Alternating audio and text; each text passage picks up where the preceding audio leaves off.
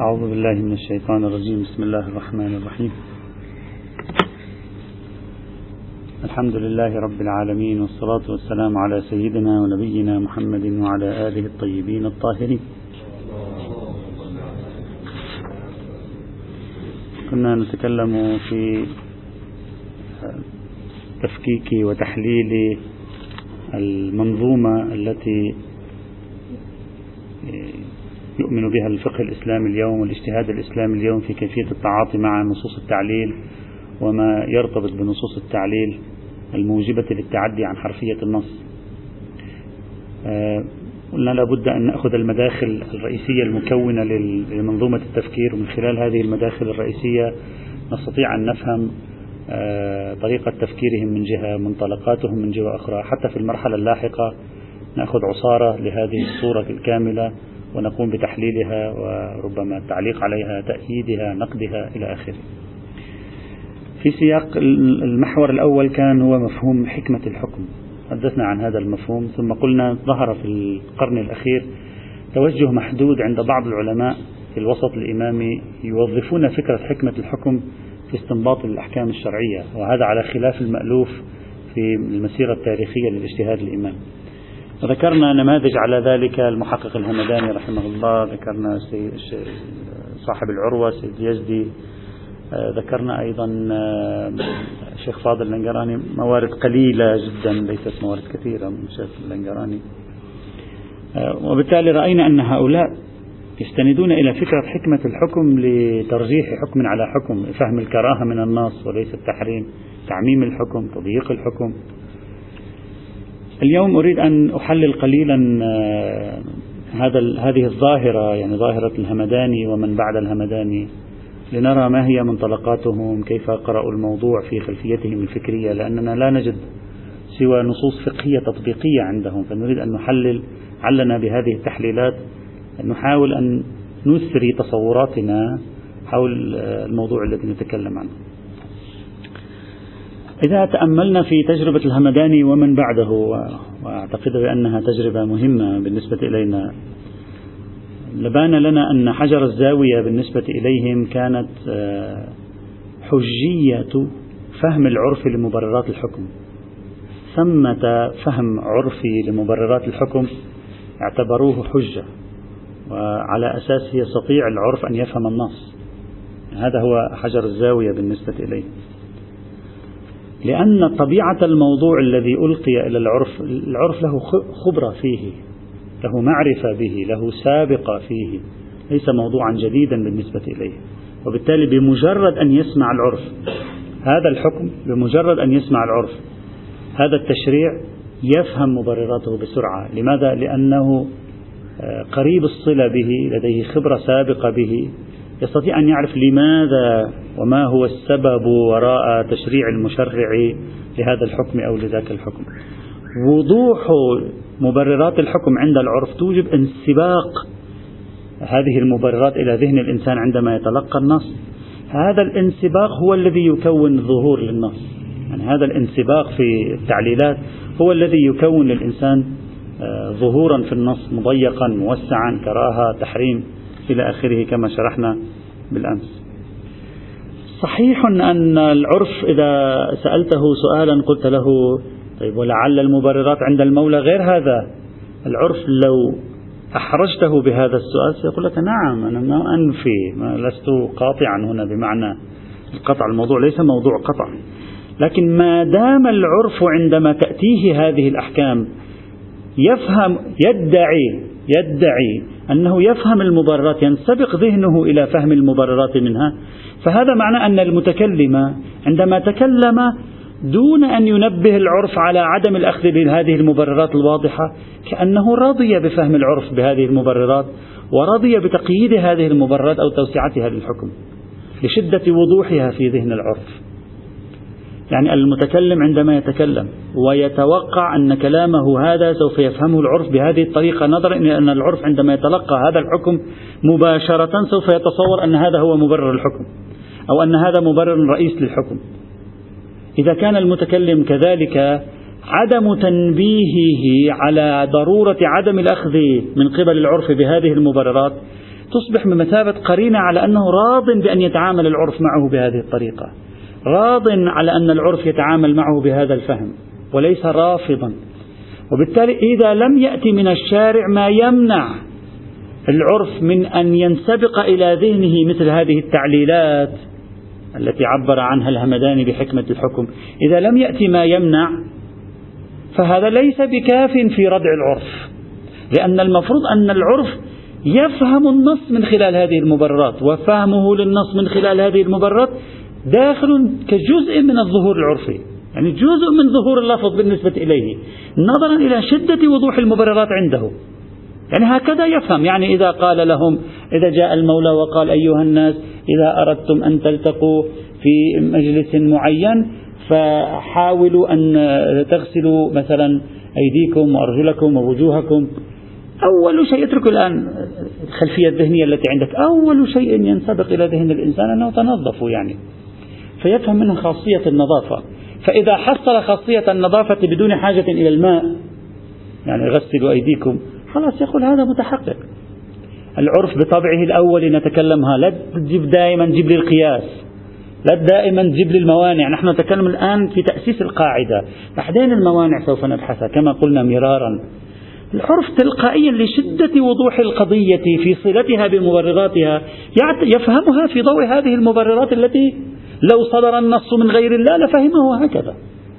هذا هي النكتة التي جعلت المحقق الهمداني ومن تبعه أو ومن يعني رافقه في هذه المسيرة يفهم أن المولى عندما يسكت عن طرائق فهم العرف من خلال المبررات الواضحة ذات الصلة بالحكم معناه أنه راض بهذا التعامل وأن هذه الطريقة في الفهم عنده ليس فيها مشكلة وأن العرف يمكنه أن يفهم نصوص المولى كما يفهم نصوص الآخرين أيضا.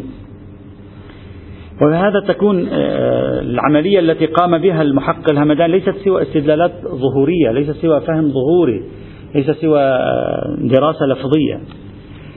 نعم إذا ثبت أن المولى متشدد تمام التشدد في التعامل مع مبررات أحكامه حتى الأشياء التي تبدو للعرف شديدة الوضوح بحسب خبرته العقلائية حتى هذا المقدار كان يتشدد فيه المولى.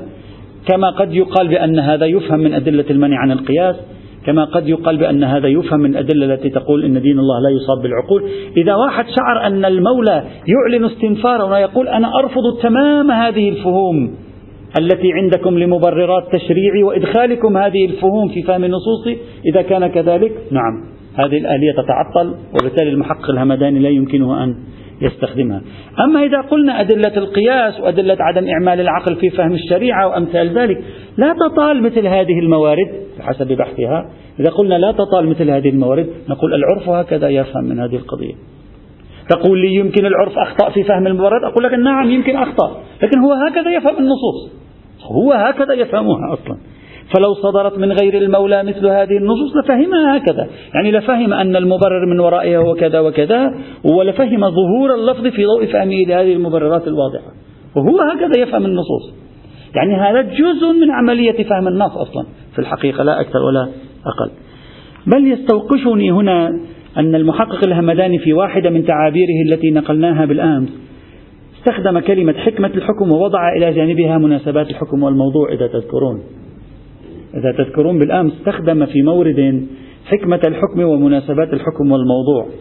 وهذا يوحي يوحي وكأن المحقق الهمداني يفهم من قضية حكمة الحكم شيء أشبه بتنقيح المناط أصلا.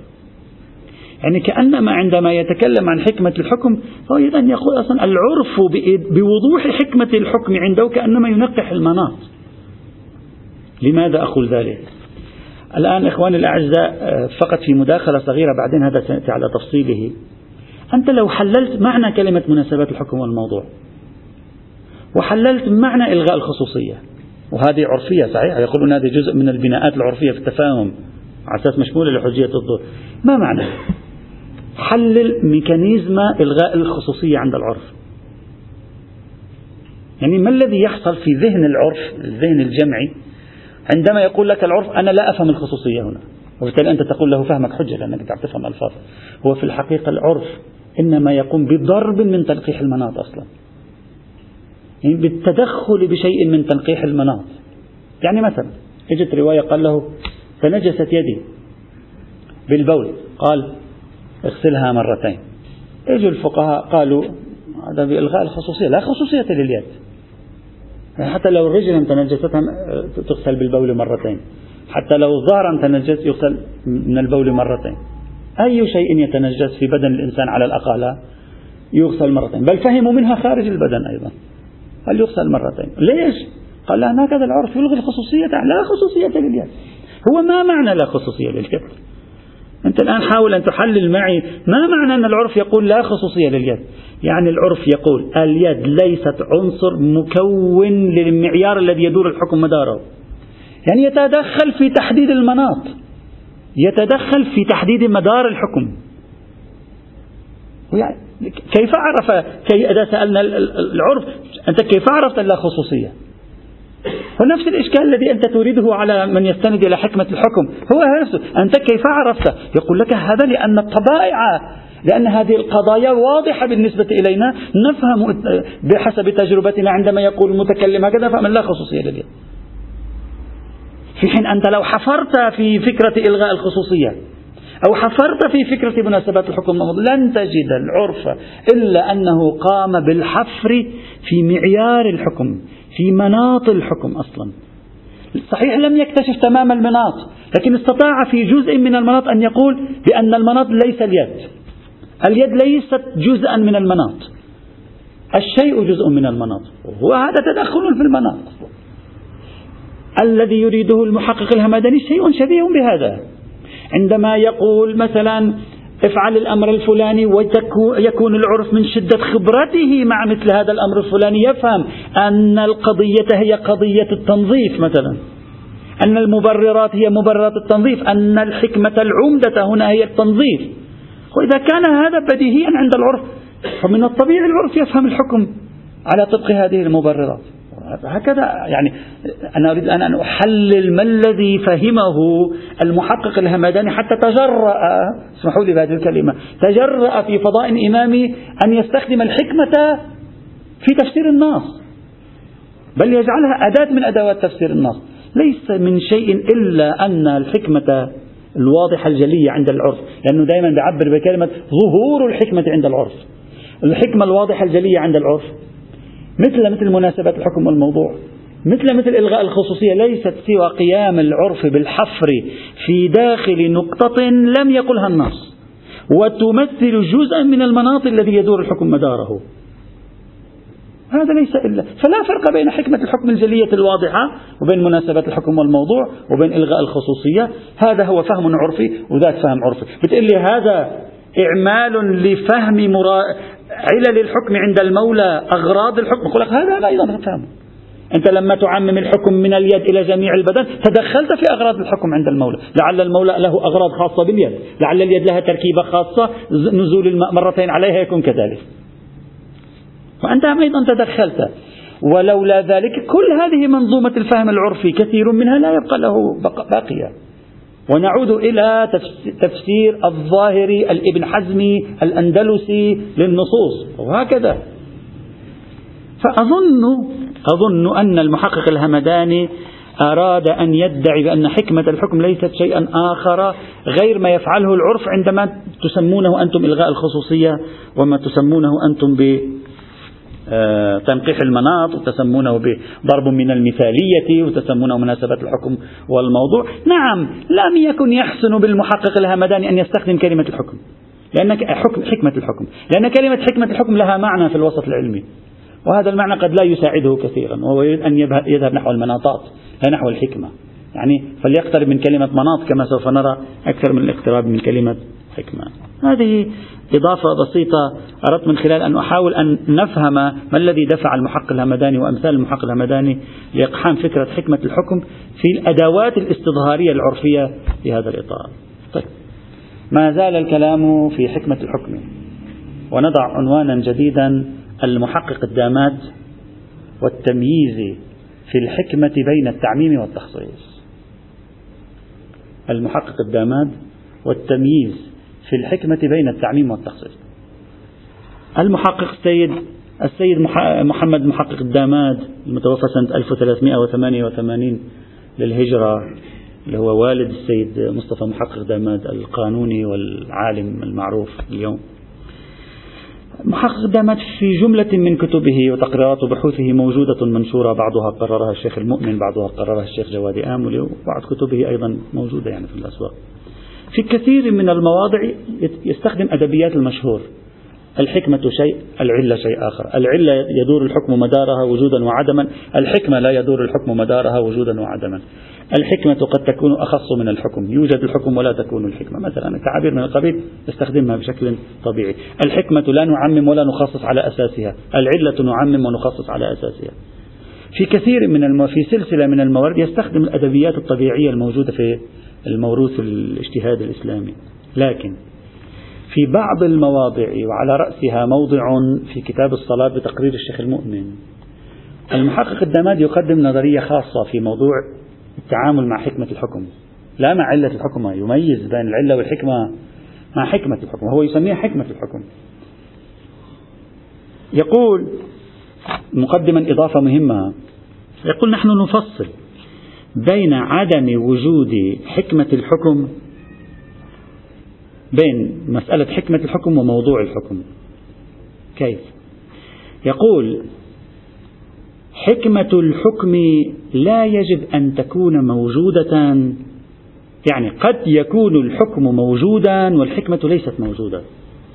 قد يكون الحكم موجودا والحكمة ليست موجودة.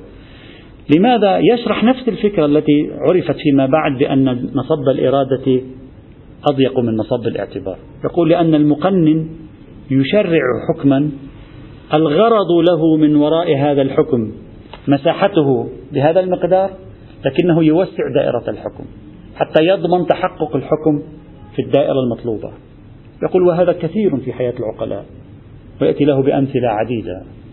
حياة العقلاء ومن الشرع أيضا. إذا الحكم يوجد ولا تكون الحكمة لأن الحكم يدور مدار موضوعه الذي ذكر في النص. الحكمة موجودة غير موجودة ما لنا علاقة. ما دام الموضوع الذي ذكر في النص متحققا هنا يجب عليك أن تلتزم. المرأة يجب عليها العدة. الحكمة ما هي؟ عدم اختلاط الأنساب. جيد. في مورد نحرز عدم اختلاط الأنساب يقول لك لا إطلاق الأدلة شامل. حتى لو لم يوجد خوف اختلاط الأنساب الحكم يبقى موجودا. ما معنى هذا الكلام؟ معنى أن الحكمة لا تخصص. خلي خط تحت هذه الكلمة. الحكمة عند المحقق الدماد لا تخصص. الحكم وجوب العدة على المرأة مطلقا. الحكمة اللي هي اختلاط الأنساب لا يوجب تقيد وجوب العدة على المرأة بحال خوف اختلاط الأنساب أبدا. وفي هذا المحقق الداماد يوافق مشهور الاجتهاد الإسلامي الإمامي على الأقل.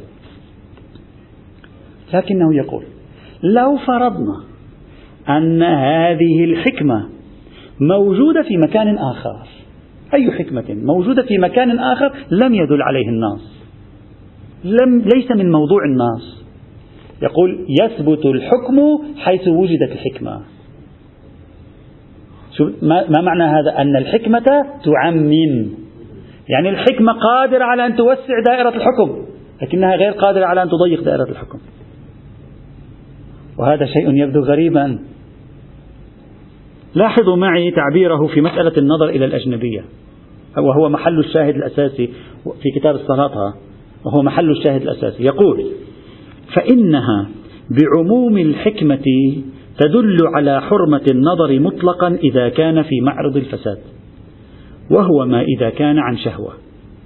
وهي وإن وردت في الأجانب إلا أنه يتعدى عنها إلى المحارم. ما هي الفكرة التي يتحدث عنها؟ يقول الأدلة الدالة على عدم جواز النظر بشهوة واردة في الأجنبية.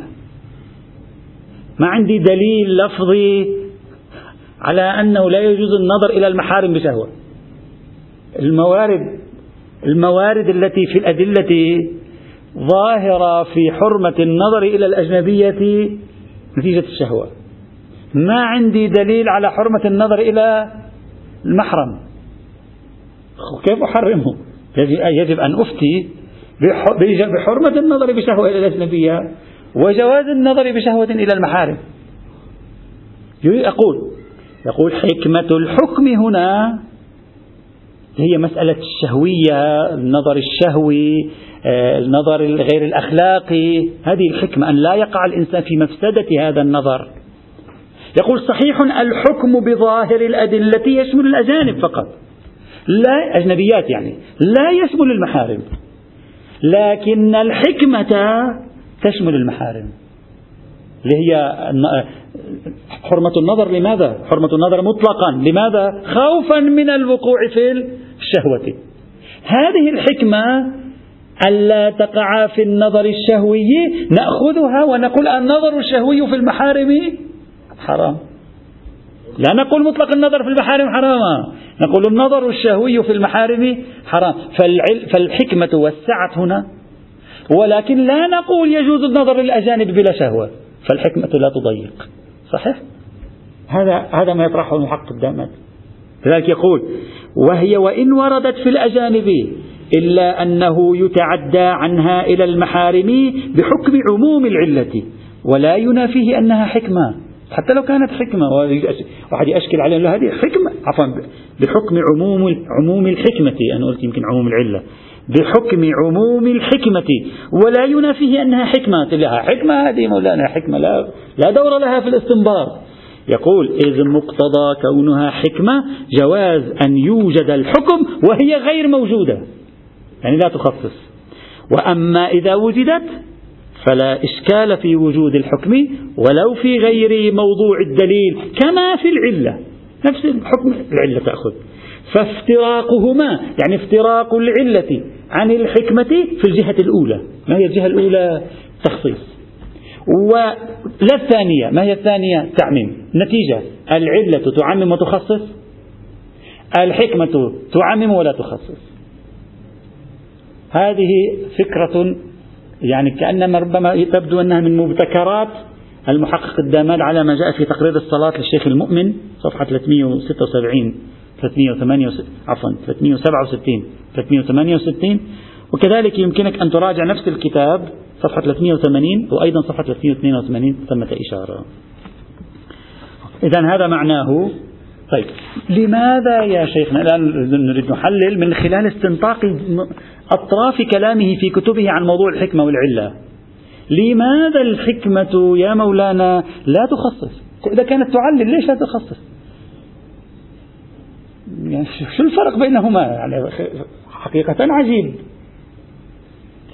يظهر من المحقق الداماد في تحليله في أكثر من موضع أنه يبني عدم مخصصية الحكمة على خبرة القانون العقلائي. يقول العقلاء هكذا يفعلون. يعطيك الحكم الواسع ويعاقبك على الحكم الواسع لأجل حكمة اللي هي الغرض لأجل حكمة أضيق. هذا مثلنا له كثيرا. ممنوع أن تقطع طريق تقاطع السير إذا كانت الإشارة حمراء.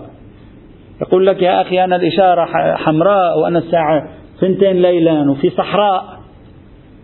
ولا يوجد أحد أقطع لا يوجد أحد من هنا ولا يوجد أحد من هنا ولا من أي جهة. أنت الحكمة من وراء هذا القانون ما هو يا عزيزي؟ الحكمة من وراء هذا القانون أنه ما يصير في إتلاف أموال ومضرات للبشر. ما موجودة هنا. مع ذلك تجد أن طبع التقنين العقلائي أنه لا يتساهل في عمومية القانون ولا يسمح بدوران القانون مدار الحكمة في باب التخصيص. هذه الفكرة كررها مرارا المحقق الدمت وهي تعني عمليا تعني أن المحقق الدامات كأنه انطلق في المنع عن مخصصية الحكمة انطلق من طبيعة التقنين العقلائي فاعتبر أن الشارع يجري على مجاري العقلاء في التقنين. وبالتالي لا نستطيع كعقلاء إذا ألقي إلينا النص أن نفهم من الحكمة التخصيص. لأن طبيعة حياتنا القانونية لا تجعل الحكمة مخصصة. وبالتالي نتلقى النص غير دال على التخصيص بخلاف التعميم التعميم ممكن نقبل فلو فرضنا أنني بالسير في الطريق بطريقة معينة أوجب أذية الناس وقد أوجب الخسائر المادية والمعنوية القانون يقول لي هنا حرام ولو لم يوجد نص على ذلك في القانون. لماذا؟ لأن روح القانون الموجودة في موضوع تقاطع السير تكون موجودة هنا. والعبرة بروح القانون. وعلى هذا أيضا يجري. هذا من عندي أنا أوضحها ليس كل ما أقوله أنسبه للدمات وعلى هذا يجري كثير من أحكام القضاة. خاصة في الدول التي القضاة فيها يقومون مقام الدستور مثل بريطانيا. لهم سلطة واسعة في سن القوانين. ما في دستور واحد للبلاد. هكذا يفعلون. يأخذون فكرة مونتسكيو في روح القانون يأخذ روح القانون ويبدأ على أساس روح القانون بإصدار أحكامه.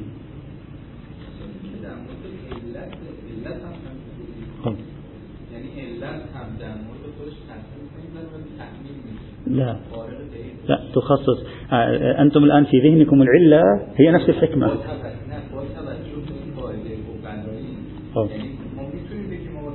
لا. هذا بحث آخر. ما هو ظاهر الدليل؟ بحث آخر. بعدين راح يجي معنا هل ظاهر الدليل التعليلي الأصل فيه العلية أو الأصل فيه الحكمة؟ مثلا المحقق العراقي يقول أصل العلية. راح تستغرب أنت هذا.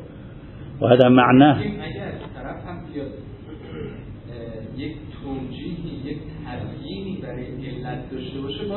نعم. نعم نعم. اتركوا موضوع العلة حتى نبدأ بالعلة لأنك في ذهنك الآن أن العلة هي العلة الثبوتية. هي الملاك. العلة بالنسبة إليهم ليست العلة الثبوتية. يعني مثلا إذا قال إذا وهذا هذا كلام كلهم يقولونه. إذا قال يجب على المرأة الاعتداد كذا وكذا وكذا حتى لا تختلط الأنساب يقول لك هذه حكمة.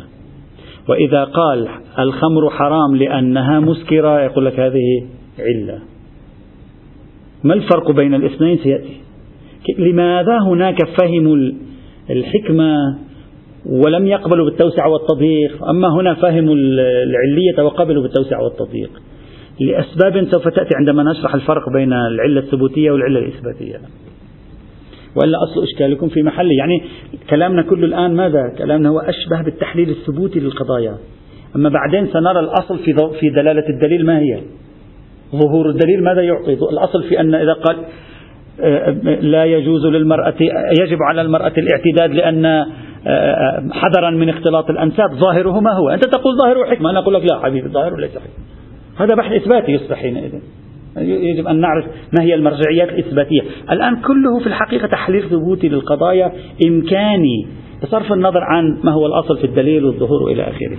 إذا هذه عصارة فكرة المحققة. السيد الزنجاني حفظه الله تعالى سيد موسى الشبيري الزنجاني حفظه الله تعالى في الجزء الأول من كتاب النكاح يتعرض بالتعليق النقدي على نظرية المحقق الدامات باختصار. فقرة فقط. وحاصل نقده يقول كلام المحقق الداماد يمكن أن نقبله إذا لم يكن هناك حكم. وين حكم؟ وين؟ الآن النزاع مع المحقق الداماد الآن أين؟ النزاع في التعميم. أنت الآن جبت, جبت الحكمة وتريد أن تنشئ بها حكما في خارج إطار دلالة النص. صحيح؟ في التعميم هنا.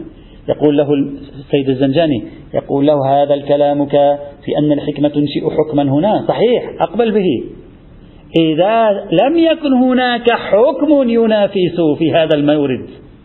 يعني إذا ما في حكم في هذا المورد الذي تريد أن تأتي فيه بالحكمة لتجعل الحكم على وفق الحكمة. إذا لم يكن هناك حكم معارض هناك نعم بإمكانك أن تقول الحكمة تعمل. فإذا في حكم معارض لا تستطيع أن تعمل. كلام السيد الزنجاني مبهم في تقديري. ربما التقرير مبهم لا أعرف يعني شبه حرفي هو على حال. لأنه يحتمل احتمالين. الاحتمال الأول أن السيد الزنجاني وافق على نظرية المحقق الدمج. وغاية الأمر أنه قيدها.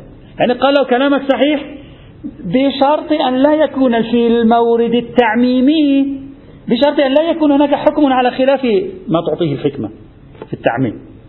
وهذا اعتراف من سيد الزنجاني بفكرة المحقق الدمج غير الأمر, غاية الأمر تقييد. وبعيد أن يريد ذلك. ظاهره ليس كذلك. الاحتمال الثاني أنه يريد أن يقول له أنت الآن جبت الحكمة من هنا وتريد أن تسقط تجعل من الحكمة حكما في مكان آخر خارج النص من أين تعرف أنه لا يوجد هنا حكم على خلاف الحكمة؟ حتى تجري الحكمة لا بد أن تعلم بأنه لا يوجد حكم هنا. لا يوجد حكم هنا حتى تجري الحكمة. ومن أين لنا أن نحصل أنه لا يوجد حكم هنا؟ تعبير تقرير السيد الزنجاني قال حكم. ولعله لو قال شيئا آخر كان أفضل له لعله من سوء العبارة. لأن الصراع ليس صراع بين الأحكام بين الملاكات في الحقيقة ليس صراع أحكام. يعني كأنما يريد أن يقول له ذلك الإشكال النمطي الشيعي على القياس يقول له أنت الآن تريد أن تجري الحكم حكمة الحكم هنا؟ من قال لك أنه لا يوجد مانع هنا؟ لعله في المورد الثاني ثمة مانع عن إيلاد وإنتاج الحكمة للحكم. هنا في المورد الأول لا يوجد مانع. من أين عرفت إلا بصرف النظر. لا نتكلم عن الوصول. في الحالة الأولى تحتمل الوصول. في الاحتمال الأول لتفسير كلام السيد الزنجاني لا في الحالة الثانية إشكال الإشكال النمط الشيعي على القياس ليس هكذا. أنت في, في الإشكال الشيعي على القياس ما هو؟ يقول الحكم ثبت في ألف. ألف تشبه باء فنثبت الحكم في باء. واحدة من الإشكالات ما هي؟ وقد يكون الحكم في ألف ثابت. وجزء من مصلحة الحكم ومعيارية الحكم ومناط الحكم هو نفس ألف. ما هي الحكمة موجودة في ألف. فالمركب من الحكمة مع ألف هو الذي يولد الحكم. بينما في باء توجد الحكمة. ألف غير موجودة. هذا إشكال نمط بعدين رح نتكلم عنه. إشكال نمطي شيعي آه، معروف يعني متلقى جيلا بعد جيل. فكيف تعرف أن مجرد وجود الحكمة أو الملاك اترك الحكمة الآن. الملاك في باء ينتج. وقد يكون جزء من المناط الذي على أساسه يكون الحكم هو ألفية ألف. ألفية ألف ليست موجودة في باء. يعني بهذا فلو أن عبارة السيد زنجاني تخلت عن فكرة حكم عدم وجود حكم وقالت عدم وجود مانع أو ملاك مضاد للحكمة في الموضع الثاني لا بد أن نحرز ذلك حتى نستطيع أن نجعل الحكمة دالة على إنشاء حكم في المورد الثاني. إذا لم نحرز نقول لا نعلم. اقتضاء الإنشاء موجود. فعلية الإنشاء غير موجودة.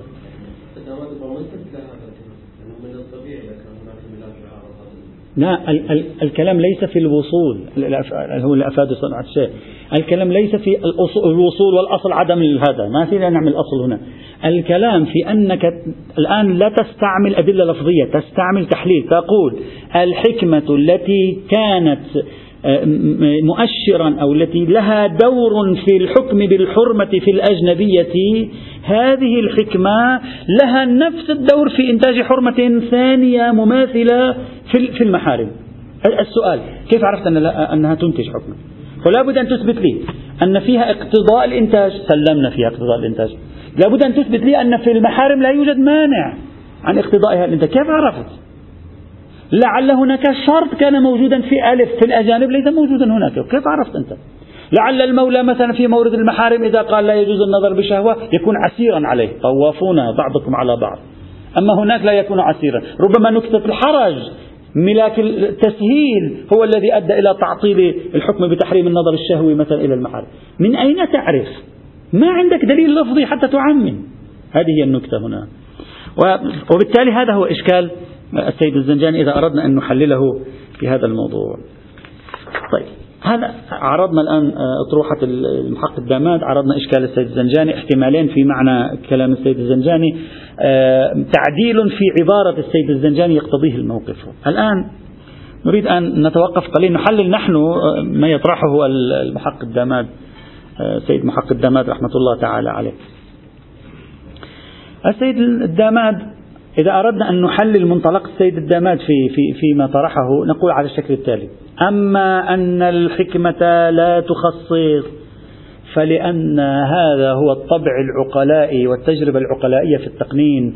فلا يفهم العقلاء من بيان المشرع للحكمة أنه يريد تخصيص الحكم بالحكمة. لماذا؟ لأن دأبهم واعتيادهم العقلاء على أن الحكمة لا تخصص. فإذا أرادوا أن يطبقوا دأبهم في التعامل مع المولى سبحانه وتعالى لم يجروا التخصيص. لكثرة ما يرون من الحكم التي لا توجب تخصيص إطلاق الحكم أو تضييق آه، مساحة الحكم. وبالتالي لا موجب للتخصيص. يعني العرف لم يعد يتولد عنده ظهور التخصيص. طيب لماذا التعميم؟ قد يقول المحقق الدم السبب هو أن العرف عندما يتعامل مع مع الموضوعات يعني مع موضوع الأجانب مع موضوع المحارم يجري في في طبيعته قاعدة حكم الأمثال فيما يجوز وما لا يجوز واحد. يعني يجري قاعدة التشابهات ويلغي الفروق التي لا يشعر أنها فارقة أصلا. يعني من طبيعته هكذا لذلك هو يعمم لذلك هو آه، يلاحظ هذه النكتة. فكأن العرف هكذا يقول هذا المولى الذي شرع الحكم هنا حكم الحرام هنا من الطبيعي أن يشرعه هنا.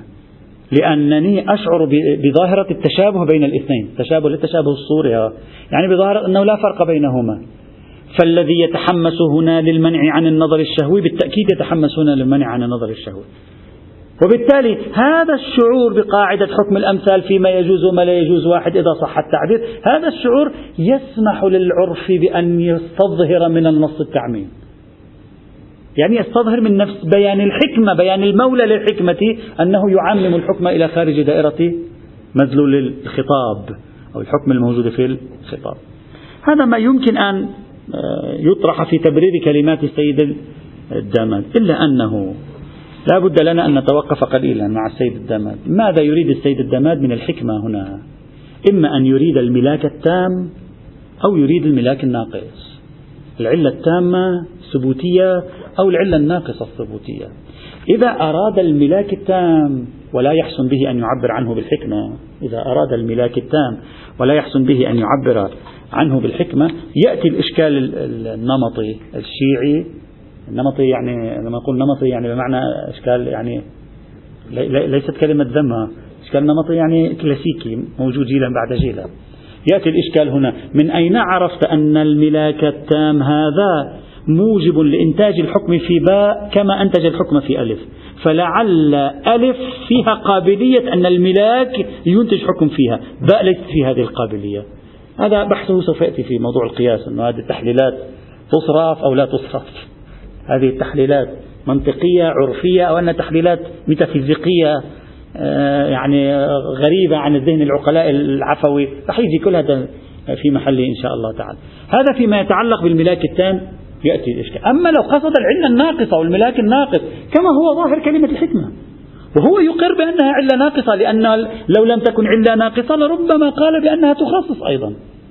فإذا كانت المورد موضوع علة علة ناقصة ما معنى العلة الناقصة سيدنا؟ علة ناقصة معناها أنها لم تستطع هي أن تولد الحكم في ألف. يعني هذه العلة التي سميتها أنت بالحكمة ليست هي التي أولدت الحكم في ألف. وإنما هي جزء منضم إلى غيره أولد الحكم في ألف. فكيف تريد لهذا الجزء العلة في ألف أن يكون علة تامة في باء؟ بمجرد أنه كان جزء العلة في ألف ويحتاج إلى دليل إضافي. طبعا رح يجي معنا بحث في نزاع بين الميرزا النائين وغيره. هل يمكن لشيء أن يكون حكمة في مكان وعلة تامة في مكان آخر أو لا؟ والله. بحوثة بتدوخ في الحوزة. المقصود بالعلة التامة هنا الملاك التام لا العلة الإثباتية.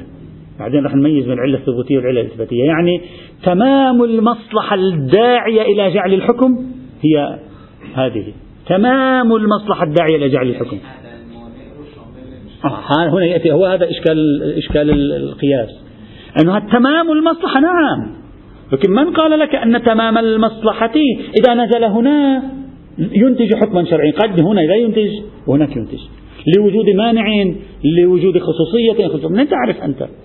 هذا هذا مقصود. لأننا نأخذ العلة بمعنى المصلحة. لا نأخذ العلة بمعنى مدار الحكم. إذا أخذت بمعنى موضوع الحكم دخل القابل فيه. علة إثباتية صار يعني موضوع الحكم. اللي هو يطلقه الشاطبي وغيره.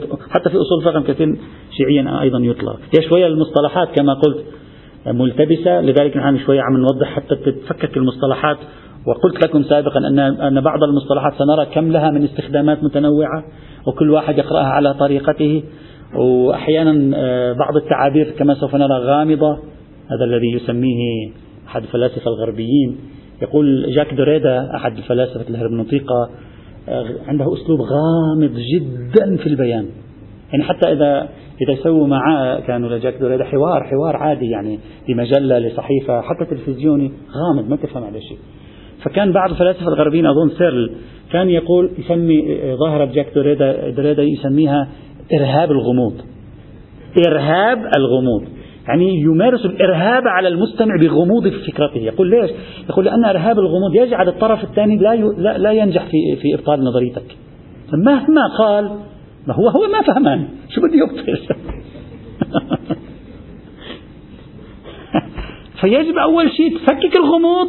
حتى ينشال الإرهاب عن عن صدرك هذا. وهذا كما تعلمون كثير في الأوساط العلمية ليس العلمية الدينية فقط. في كثير من الأوساط العلمية الأخرى تجد أشخاص لا تفهم عليهم شيء إلى حد أنه يضطرب في أمرهم بين أنهم عقلاء أو أنهم غير عقلاء مثل هايدجر. الكلام يجر الكلام. هايدجر اختلف اختلفوا فيه بين محب غال ومبغض قال. هايدجر بين محب غال ومبغض قال. بعضهم قال هايدجر فيلسوف فلاسفة العالم. أصلا لا لا هو هو ولا يوجد أحد غيره. حتى أن كثير من المفكرين السمة الأساسية لهم هايدجريون. وبعضهم قال هذا واحد مهرج لا يعرف هو هو هو نفسه لا يعرف ماذا يقول يصفصف كلاما إلى جانب بعضه ثم ما تفهم لا تفهم شيء أصلا. لا تعرف النقطة الأولى من النقطة الأخيرة وبالتالي هذا مهرج. اتركوه فهذا إرهاب الغموض موجود في في الكتب التراثية الدينية الإسلامية. طبعا أديان أخرى أيضا ربما يكون موجودة. أول طريقة لمواجهة إرهاب الغموض تفككه كلما نجحت في التفكيك وإيضاح الفكرة استطعت أن تدخل مملكة الطرف الآخر. إذا ما وضحت الفكرة لو سجل مئة إشكال الطرف الآخر هو الذي سيبقى منتصرا. لأن قادر بغموضه على أن يشوش عليك بكل شيء. فضروري موضوع الغموض يفكر.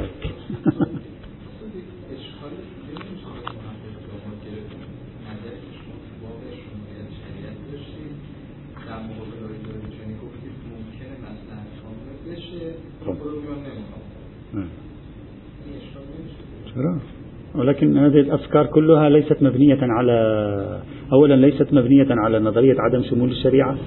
ثانيا لو كانت مبنية على شمول الشريعة غالبا ما يستسميه أنت بحكمة الحكم هو عبارة عن العلل المستنبطة من الرواية. فكأنهم الذين يعتمدون على حكمة الحكم يريدون أن يستعينوا بالدلالات كما رأينا مع الهمداني. فإذا استعانوا بالدلالات فهم سيعممون من خلال الدلالات يعني يقول لك ظاهر كلامه أنه يرفض النظر الشهوي. وهذه النكتة في كلامه كلية. بعضهم يحاول هكذا. الداماد لم أجده يحاول هكذا لكن الهمداني نعم يحاول هكذا. فإذا إذا كانت القضية الملاك التام تأتي عليه الإشكالية النمطية المعروفة. في هذا المجال. وإذا كانت القضية العلة الثبوتية الناقصة اللي هو هذا معنى حكمة الحكم في في في الجو المدرسي العام عندنا. فإذا كانت العلة الناقصة في ألف لا تنتج حكما. كيف عم تنتج عندك حكم في باء حتى تقول بالتعميم. هذا غريب حقا. مع اعترافك بأن العلة الناقصة لا تنتج في ألف حكم ألف. كيف أقريت بأنها تنتج حكم باء؟ يبدو أن الأمر فيه التباس آه، في في مثل هذه الحال. تعليق إضافي إن شاء الله تعالى. أمامنا الحمد لله رب العالمين.